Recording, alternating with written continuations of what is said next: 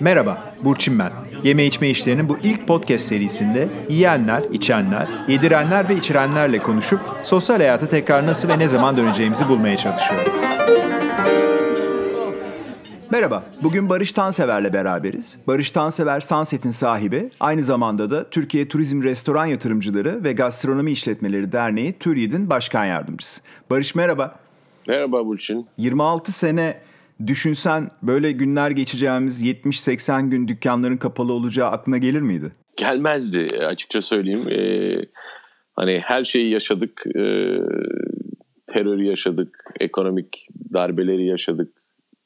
Ee, darbeleri yaşadık. Ekonomik krizleri yaşadık. Fakat e, hiçbir zaman Sunset'i kapatmamıştık.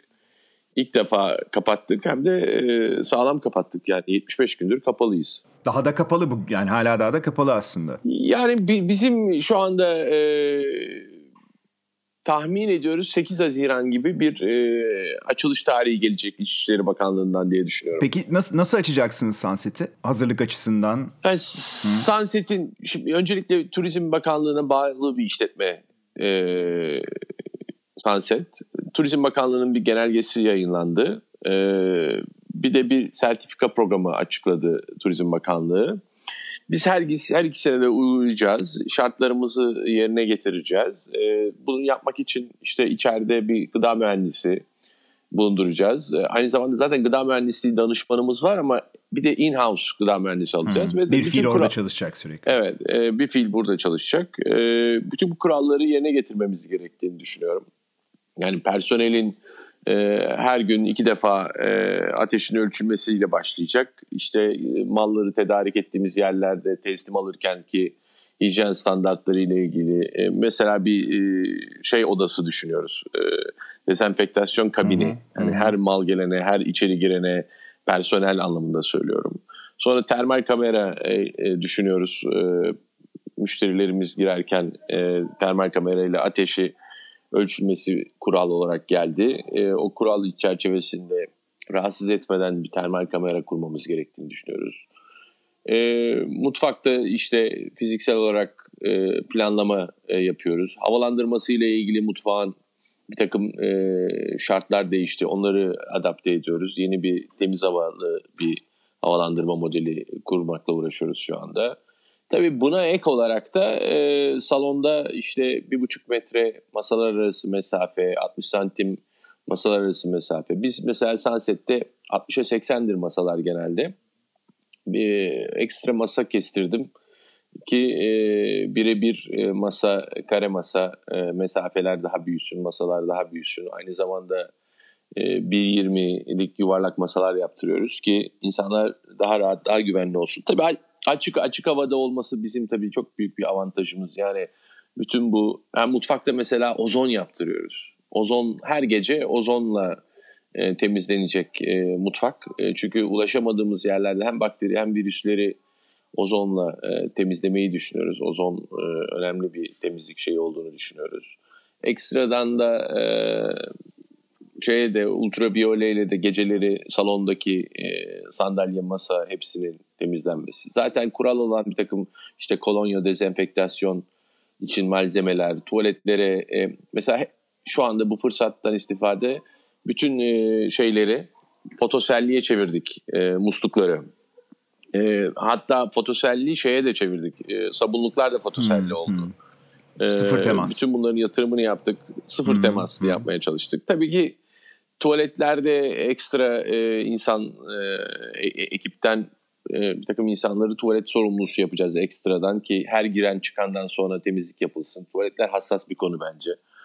E, insanlar zaten çok hassas olacaklar. E, şeyle ilgili bir takım çalışmalar yaptık. Contactless payment dediğimiz işte menü e, vermeden veya e, minimum e, menü dezenfekte edilip verilerekten e, arkasından e, ödemelerde işte e, kredi kartından ziyade e, bir app üzerinden ödemenin yapılması gibi kredi kartlarının e, şeysiz olanı e, öde bu dokunmatik hmm, hmm, olan hmm, var hmm. E, onlardan bir Q kodla QR kodla e, menüyü görme bayağı bir yenilik ve bir şeyle uğraşıyoruz. Evet. Yani sizin menü de e, yani şarap menüsü e, vesaire bayağı bayağı bir defter o yani. Hani kitap yani hatta hani dolayısıyla yani, zor etap, işiniz.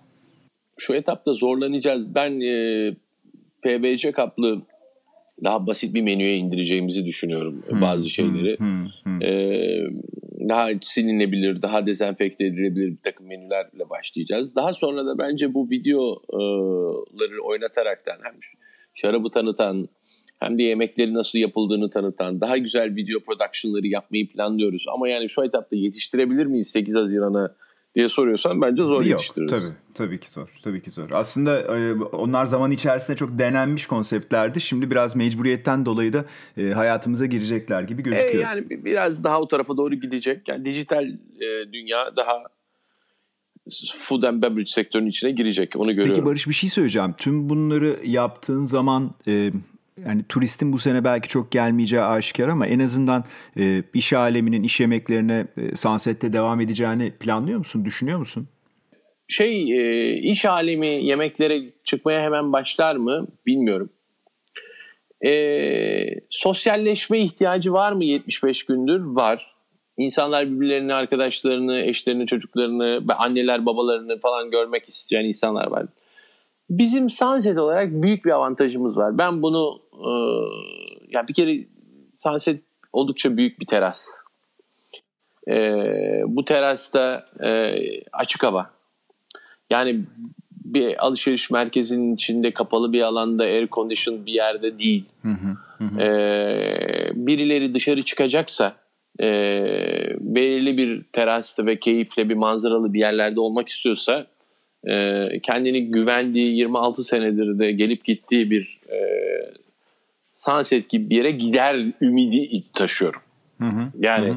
Şimdi bu birinci... Gidecekse Sunset'e gider yani, yani giderse aslında. akıllı bir adamsa Sunset'e gitmesi lazım evet. diye ümit ediyorum. Bu, bak ümit bu yani şey bu, bu wishful thinking yani. Ama ondan sonra ondan sonra bizi ne bekliyor? Bizi e, yani bu üç ayı böyle hallederiz e, eğer patlama çatlama işte vaka sayıları veya dünyada karışıklık olmazsa kışın işimiz zor. Eğer e, bu salgın ikinci raunda kalırsa ben yani sektörün yani sektörü aş. E, Burçin bu sektörü kimse pek iplemez dünyada ama e, yani Türkiye'de hiç iplemiyor kimse. Ama o kadar önemli bir sektör ki yani 2 milyon insana biz bakıyoruz.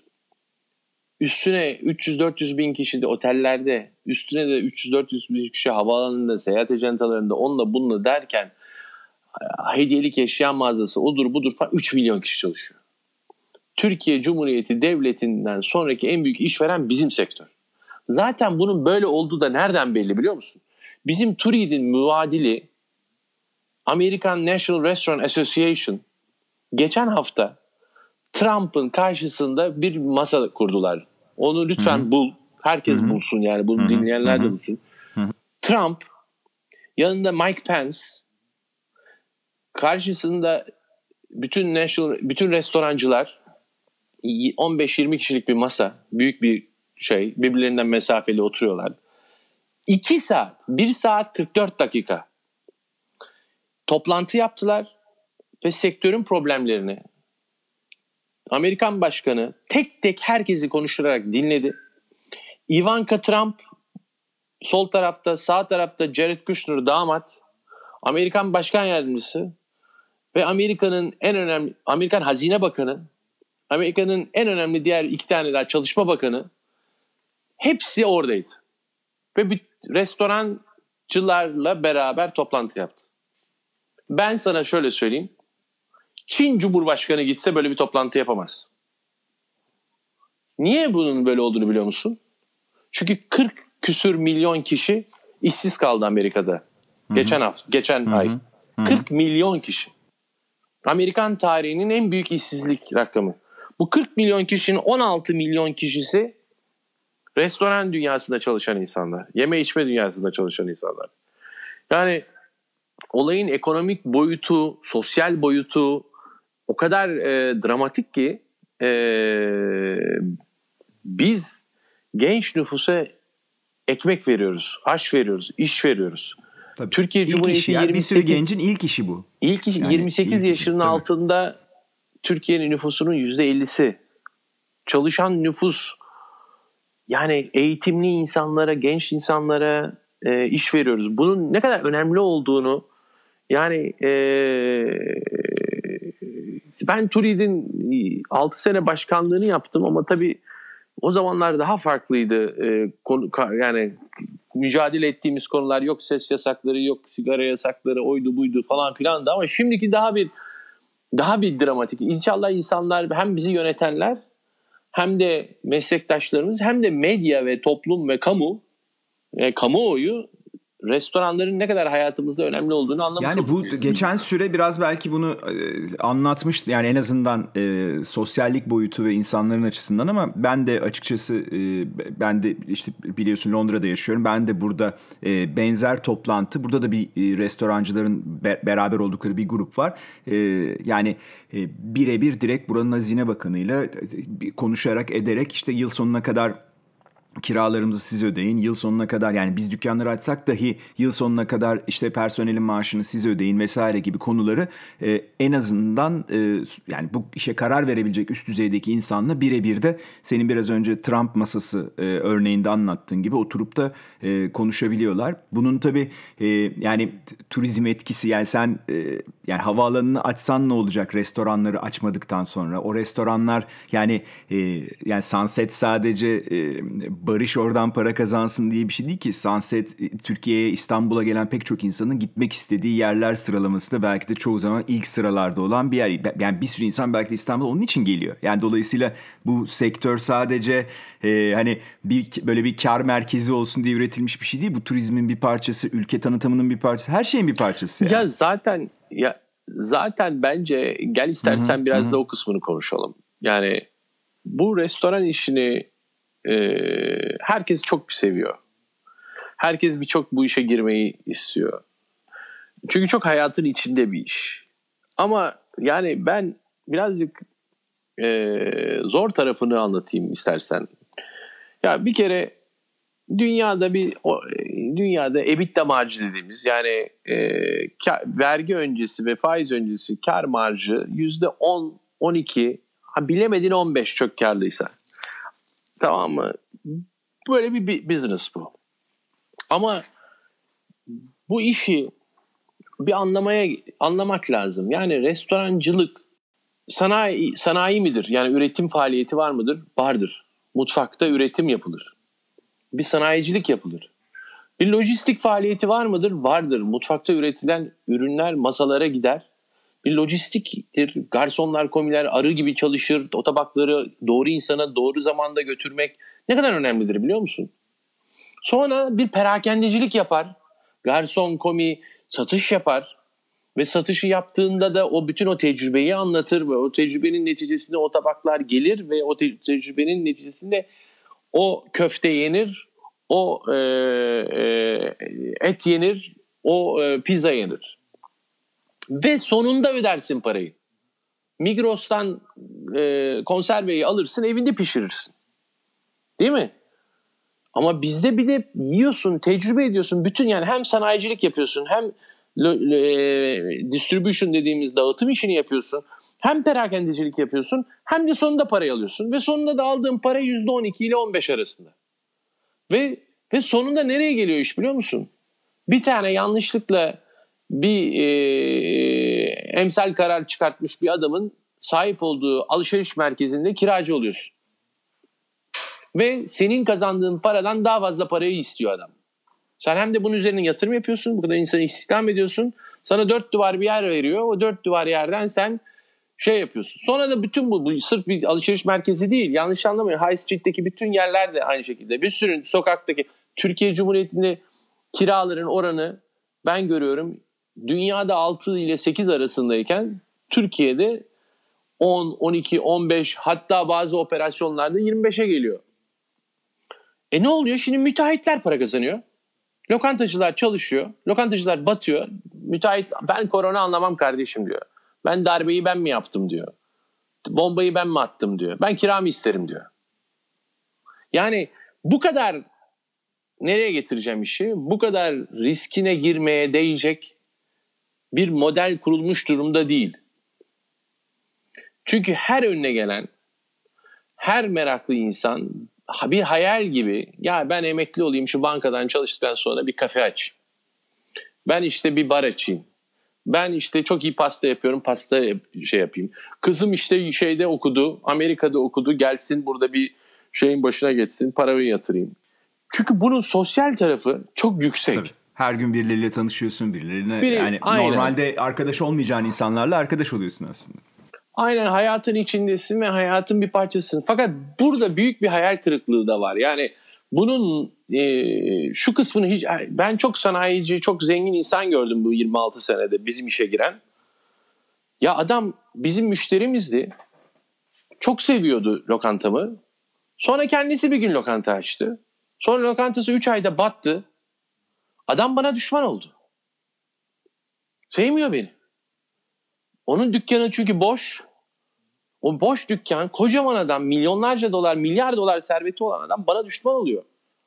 Çünkü senin dükkanın dolu olunca adam haset gibi yani bu sanatçı şeyi gibi bir hale dönüyor. Yani ben yaptım niye olmuyor da bu adamlarınki oluyor. Belki bu belki bu pandemi bir parça bu e, senin bahsettiğin hani e, giriş bariyerini birazcık yükseltmeye de yarayacak gibi geliyor bana. Özellikle en azından şu birkaç yıllık ilk birkaç yıllık dönemde o senin biraz önce örneğini verdiğin gibi ya ben de şöyle bir şey açayım, ben de küçük bir şey yapayım. Yani muhtemelen o küçük şeyler zaten fizibilitesi kurtarmadığı için e, insanlar artık girmeyecekler. Metrekare kullanmayacak, kurtarmayacak. Yani sahiden çok zor bir iş bu işi yapmaya kalkanların içinde yüreği mangal gibi olacak. Aynı zamanda hayatını dedike edecek. Ben ben kendimi 7 sene 94 senesinde açtım. 27 yaşındaydım. Bacaklarım titriyordu. 7 sene Sunset'te her gün 18 saat çalıştım. Her gün. Orada yatıp orada kalkıyordum ya. Ve fırça yiyip duruyordum müşteriden. O ne, bu ne öyle, böyle? bu ne böyle, onu beğenmedim. Ben böyle bilmem nerede Park Şam'dan da böyle yapıyorlar. Sen niye yapmayı bilmiyorsun? Bilmem neredeki makarnayı ben işte benim işte bir İtalya'daki bilmem ne restoranında şöyleydi. Londra'da bunu yedim, bunu ya. Ya kardeşim hepiniz uzmansınız. Sonra bir tane köfte koyuyorsun ortaya. Ahmet Bey geliyor Hı-hı. bu kimyonlu diyor. Mehmet Bey diyor ki bu, bu diyor çok pişmiş diyor. Bir çok az pişmiş diyor. Ya bir de subjektif bir konu. Tabii. Şimdi biraz yani herkesin tabii. yorumu var. Herkes uzman yani. Şimdi biraz daha da uzman oldu farkındaysan. İnsanlar evde daha çok yemek yapıyorlar. Muhtemelen o e, yemek yapmayla tanışan ve işte şeyler... Orada orada orada da geçen gün geçen gün e, bir arkadaşımla sohbet ediyorduk. Bence orada da şimdi millet bir ders aldı. Evde yemek yapmanın ne kadar pahalı, maliyetli ve aynı zamanda ne kadar zor olduğunu da görmüş olmuştur. Yani lokantada yemek yemek esasında yani iki gün böyle fantezi olsun diye yemek yapmak hoş da her gün 75 gündür üst üste yemek yapanların eminim yani bu ev kadınlarının ve e, evde yemek yapan insanlara biraz daha saygı duyulmuştur. Tabii lokantalarında ne kadar zor bir operasyon Tabii. olduğu anlaşılır. Yani bence ilk defa ilk defa İnşallah. insanlar e, süpermarket alışverişinin yani seni doyuran, besleyen süpermarket alışverişinin e, kaç para olduğunu yani o sepetin kaç paraya dolduğunu e, bence ilk defa anladılar. Yani ilk defa ben, hani bugüne kadar çünkü o hani iki paket granola aldım sabahları da yiyorum veya dur şuradan bir süt alayım çıkayım e, değil bir karnını doyuracağın alışverişin kaç para olduğunu ve aslında meselenin ne kadar pahalı olduğunu anladılar diye düşünüyorum. Dolayısıyla e, bir de inanılmaz bir enflasyon olacak. Yani zaten biliyorsun yani supply chain tarafında şey kırıldı. Yani kırılmadı da yani bayağı bir zarar aldı ve, ve bir enflasyon var. Yemek e, e, gıda işinde ciddi bir enflasyon görüyorum ben. E, yani nasıl olacak bilmiyorum. Yani şunu so, so, yani sorunu hatırlıyor musun? E, yani bir buçuk seneyi nasıl halledeceksin? Hı hı hı. Yani ben üç ayı nasıl halledeceğimi önce bir göreyim. Yani bırak bir buçuk seneyi. Üç ay önceki halimizi ben sana bir gün gelsem bir podcast yapsak seninle beraber işte ben böyle bir futuristim şöyle bir şey olsa ne yaparız diye ben sana ya da sen bana anlatsan bu, bunları herhalde yani güleriz. Şimdi şimdi şimdi kurgu, kurgularımıza bak yani. Yok bu işin arkasında Bill Gates var. Yok bunlar Rockefeller'in Ha, bir işi. de o işler var tabii. Rothschild'ler var. Bunlar işte bizi çipleyecekler, onu yapacaklar, bunu yapacaklar. Yani bir de bir de yani bu, bu sosyal medya bombardımanı da ayrı Tabii, bir film yani. E bu, bu içerikler çok satıyor. Sen şimdi bunları söyledin. Belki bu en çok dinlenen podcast'imiz. Bu laflardan dolayı belki bu olabilir. Biliyorsun YouTube'da sürekli bunlar dönüyor. Milyonlarca izleyiciyle yani. Bu komplo işinde ayrı bir e, seveni var. Ya film Evet. gibiyiz ya. Film Evet. çok seviyoruz yani. Evet. E, Barış, TÜRİT açısından eklemek istediğin bir şey var mı? Yani Ya bir TÜRİT, kere- TÜRİT başkan bir- bir yardımcısı yani- gözüyle eklemek istediğin bir şey var mı? Yani şöyle bir şey söyleyeceğim. Yani biz bunu bu TÜRİ'di yaklaşık 20 sene önce kurduk. Turizm Restoran Yatırımcıları ve İşletmecileri Derneği'ydi o zamanki adı. Ee, ben de 6 sene kurucu başkanlığını yaptım. Ee, bir kere bir masanın etrafında birbirimizle rakibiz biz. Ama bir masanın etrafında toplandık. Yani oradaki e, bir masanın etrafında toplanmak demek biz bir sivil toplum örgütüyüz ama devletin kontrolünde değiliz. Devletten para almayız. Yalnızca üyelerimizden para alırız. Üyelerimizden aldığımız para da ayda 200 lira gibi 300 lira gibi bir para. Hala sivil toplum örgütü TURİ'de üye olmayan lokantacı milyonlarca lira para yatırırken yani milyonlarca lira para yatırıyor. TURİ'de üye olmuyor. Bizim verdiğimiz bilgileri, kaynağı, ilişkileri 300 liraya kullanmayıp sonra ben battım diyorsa birazcık bir düşünmesi lazım. Ben nerede hata yapıyorum diye. Ee, ben yaklaşık bizim 200'e yakın markamız var. Ee, üye e, 200 200 250 tane üyemiz var. Bu 200-250 üyenin yaklaşık 1400-1500 e, tane restoranı var. Bu restoranların üzerine de 500-600 tane yurt dışında restoranımız var. Yani hem yurt dışı operasyonu yapıyoruz, hem yurt içi operasyonu yapıyoruz. Tur quality'li nasıl olması gerektiğinden tutun da işte e, sektördeki bu pandemi krizinde bilim bilim kuruluyla oturup konuşuyoruz. Turizm Bakanımız sağ olsun çok ciddi komünikasyon içinde. TUROB'la, diğer STK'larla, TURİ, e, TYD ile, TÜRSAP'la, e, bütün e, müsteşarlıkla, şeyle, bakanlıklarla konuşuyoruz. Yani bütün bu işleri yapan ben hayal ben, e, haftanın 5 gününün 2 gününü bu işe ayırıyorum. Bir sürü de meslektaşım var bütün bu işleri yaparken bunlara vakit ayırıyor. Bazı meslektaşlarımız hiç haberdar değilim ben. Benim haberim yok. Ben kendini niye Turit tanıtmıyor diyor. Ben de diyorum ki kendi kendime. Ya 20 senedir biz burada bu işi uğraşıyoruz. Cebimize bir kuruş para almıyoruz. Üstüne de vaktimizi harcıyoruz. Sen de bir zahmet gel. Sen de bir araştır. Bir web sitesine gir. Bir Turit'i Google'la. Bakalım ne yapıyoruz. Sen bu mesleğe para yatırmışsın. Emeğini harcamışsın. insan çalıştırıyorsun. Yani ben bunu anlamıyorum. Sonra sivil toplum örgütleri niye zayıf? Tabii zayıf olur. Tabii zayıf olur. Sen gelip de katkı yaparsan sen kapı, bizim kapımız sonuna kadar açık. Sen bir işi iyi yapmaya çalışıyorsun, uğraşıyorsun, mesleğini me- bundan para kazanmak istiyorsun. Aynı zamanda insanlara aş veriyorsun, iyi bir şeyler yapmak istiyorsun. Ama sonra da gelip tu- Turit beni kurtarsın. Turit yani affedersin senelik bütçesi Turit'in yani oturup bir hesap yaptığımızda biz 225 tane üye dedim. Topla çarp böl bir şey yap. 1 milyon TL senede aidat topluyor ya da toplamıyor. Nedir ya 1 milyon TL? Konuştuğumuz 20 milyar dolarlık 20 milyar dolarlık bir sektörü konuşuyoruz. 1 milyon TL de 100, 150 bin dolar para etmiyor ya. Ve biz 150 bin dolar aidat toplayıp bütün bir sistemi çalıştırmaya çalışıyoruz.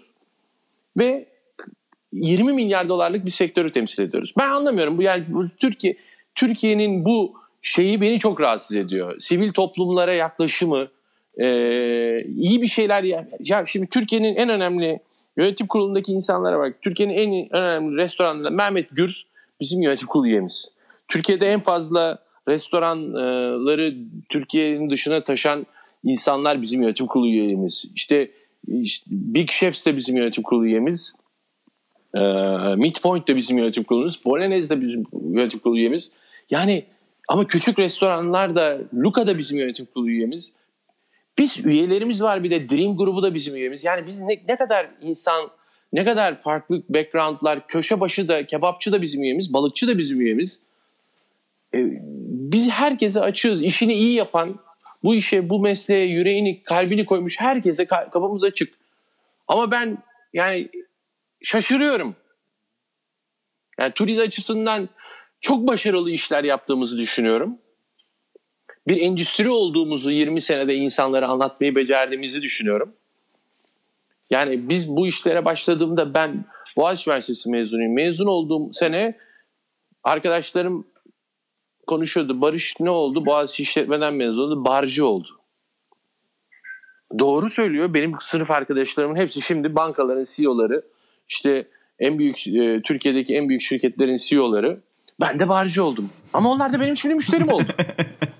Beni arıyorlar ya bize güzel bir Doğru, masa yapabilir misin? Yer var mı diye.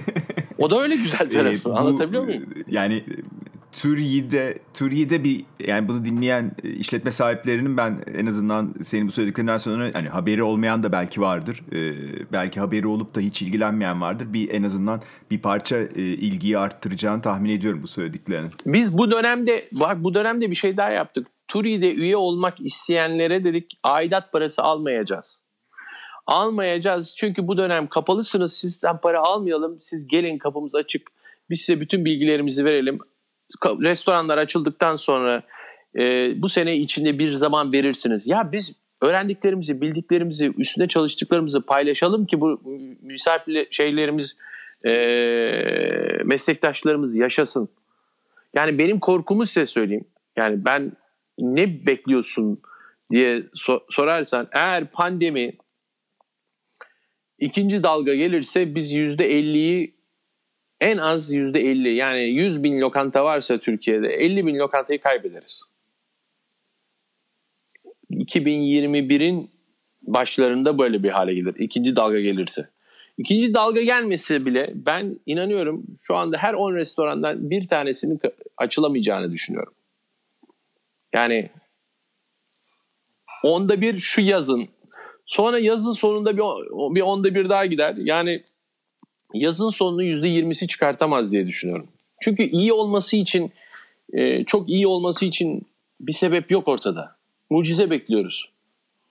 Yani aşının bulunmasını istiyoruz, tedavinin bulunmasını istiyoruz.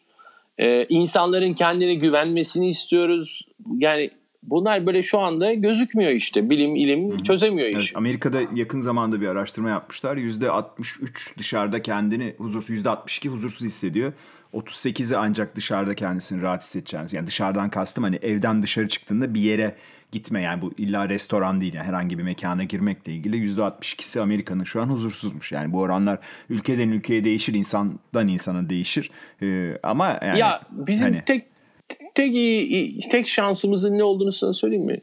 Yani havalar İstanbul'da İstanbul değil yani Türkiye'nin genelinde havalar güzel havaları var. Yani 7 ay yaz gibi, 5 ay kış gibi. Bu dışarıda olunduğunda dışarıda yaşamaya, sokakta yaşamaya daha çok alışacağız. Bence İstanbul Büyükşehir Belediyesi ve diğer bütün büyükşehir belediyeleri insanlara sokaklarda e, kafelerin, barların, restoranların sokaklara taşmasına hatta diğer mağazaların Hı-hı. sokaklara taşmasıyla ilgili bir organizasyon Hı-hı. yapması lazım. Bunun için de çalışıyoruz. Hı-hı. Bunu da belediyelerle organize etmeye çalışıyoruz. Yani açık alanlarda hayatı taşımak lazım. Bizim şansımız havalar İstanbul'da güzel. Yani e, yaşanmayacak kadar sıcak veya nemli değil. O açıdan İstanbul'u şanslı görüyorum.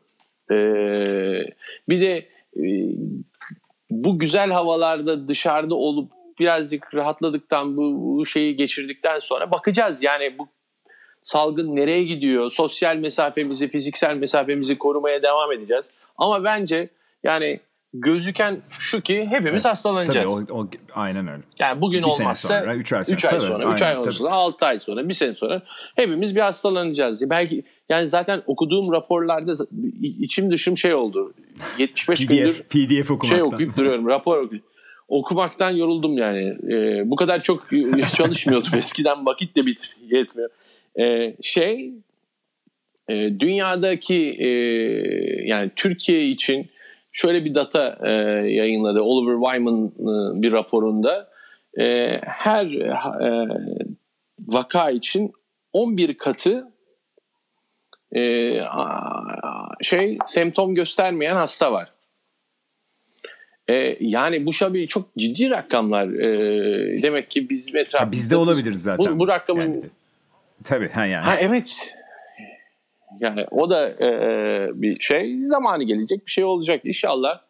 E, ben Türklerin güçlü olduğuna inanıyorum ve çözeceğimize ben, ben inanıyorum. Ben bu konuşmadan şöyle bir kendime de bir motivasyon çıkardım. Biz bu yayınları yapmaya daha bir süre daha devam ederiz. Bir ay sonra da konuşacak bir, bir konular biriler gene çıkacak gibi gözüküyor en azından yani. Biz belki hani bir kere yaparız biter diye düşünüyorduk ama bu konu e, yakın zamanda kapanmayacağı için ve her an bir şeyler değiştiği için her zaman soracak yeni sorular olacak gibi gözüküyor bize de. Şimdi e, en sona geldik aslında. Burada bizim böyle bir 8 tane hızlı soru cevabımız var. Biraz böyle hafızayı yoklayan, biraz da bu pandemiyi e, şey yapan, pandemi günlerini aslında ileride hatırlatacak olan. E, hazırsan sana hemen hızlıca onları soruyorum şimdi. En son dışarıda nerede ne yedin? Balıkçı Abdullah'ta yani ilk önce en son Sunset'te yedim ama ondan ayrı Balıkçı Abdullah'ta e, güzel bir balık yemiştik. Tamam. Mart ayı ee, muhtemelen değil mi? Mart ayında, Mart ayının başındaydı. Arkadaşlarımızla gayet En son güzel. en son dışarıda nerede bir şeyler içtin ve ne içtin? Hatırlıyorsan. Gin tonic içtim Sunset'te. Tamam. Peki evde en son ne pişirdin? Ben bir şey pişirmiyorum. İşin kötü tarafı da ben lokantacı olup bizim iki kızım var ikisi de kimseye söyleme bunu. Yemek yapmayı bilmediğini kimse bilmesin. Herkes senin Sunset'in sahibi, önemli bir adam zannediyor. Yemekten anladığını zannediyor. Ama bak baba sen yemek yapmayı bilmiyorsun. Bunu bilmesin kimse diyorlar. Ben de bilmiyorum. Şahane, eşim şahane güzel yemek yapıyor. Ee, Yedim. En son peki en son evde pişmiş ne yedin? O zaman öyle çevireyim soruyu. e, dün kızım çok güzel bir makarna yaptı. Hı-hı. Eşim de güzel bir köfte yaptı. Süper. Peki en son ne zaman uçağa bindin? Nereye gittin ya da nereden döndün? Hmm, Londra'dan döndüm. Tamam. Peki bu iş bitince ilk nereye ne yemeye yani, gideceksin? Sunset'te püfür püfür boğaza karşı güzel şarabımı açacağım. Kuromu da tutturacağım. Şöyle bir bakacağım. Allah'ım sana binlerce şükür yaşadığımız ve bize verdiklerin için diye teşekkür edeceğim. Peki. Böyle bir güzel. Keyif güzel. alacağım. Yeme yemeği sonra iki, ikinci sıraya bırakırım diyorsun. Ne yiyeceğim? yemeği, ye, ye, ya yemek de değil. Sushi yemeği çok özledim bu evet. arada. Tabii evde o yapılamıyor diye muhtemelen değil Yok, mi? Yok evet. Peki bu iş bitince ilk nerede dağıtacaksın? Ya dağıtmak konusunda daha gelemedik. Ee, 16 Haziran doğum günüm. Ee, orada büyük bir parti yapmayı düşünüyorum. Hepimiz korona olacağız. Korona Korona partisi. tamam süper. evet. Peki bu iş bitince ilk nereye seyahat edeceksin? En çok nereye özledin? Ya bu yani tekneyle güneye çıkma e, şeyi denize çıkmayı sahiden özledim. Çok hoş olur. Yani güneyde tekne muhabbeti özledim. Bodrum ya da öyle bir yerlere gitmek Hı-hı. isterim. Hı-hı. Peki kime doyasıya sarılacaksın? Valla ben şu anda çok şanslıyım. Kızlarım Amerika'daydı. İkisi de geldi. 15 gün karantinadan ev yaptık evde. 15 gün sarılmadık. 15 gün sonunda nasıl sarıldığımızı anlatamam sana yani. Bu şaka gibi yani. O... Peki çok teşekkür ederim. Ben teşekkür ederim.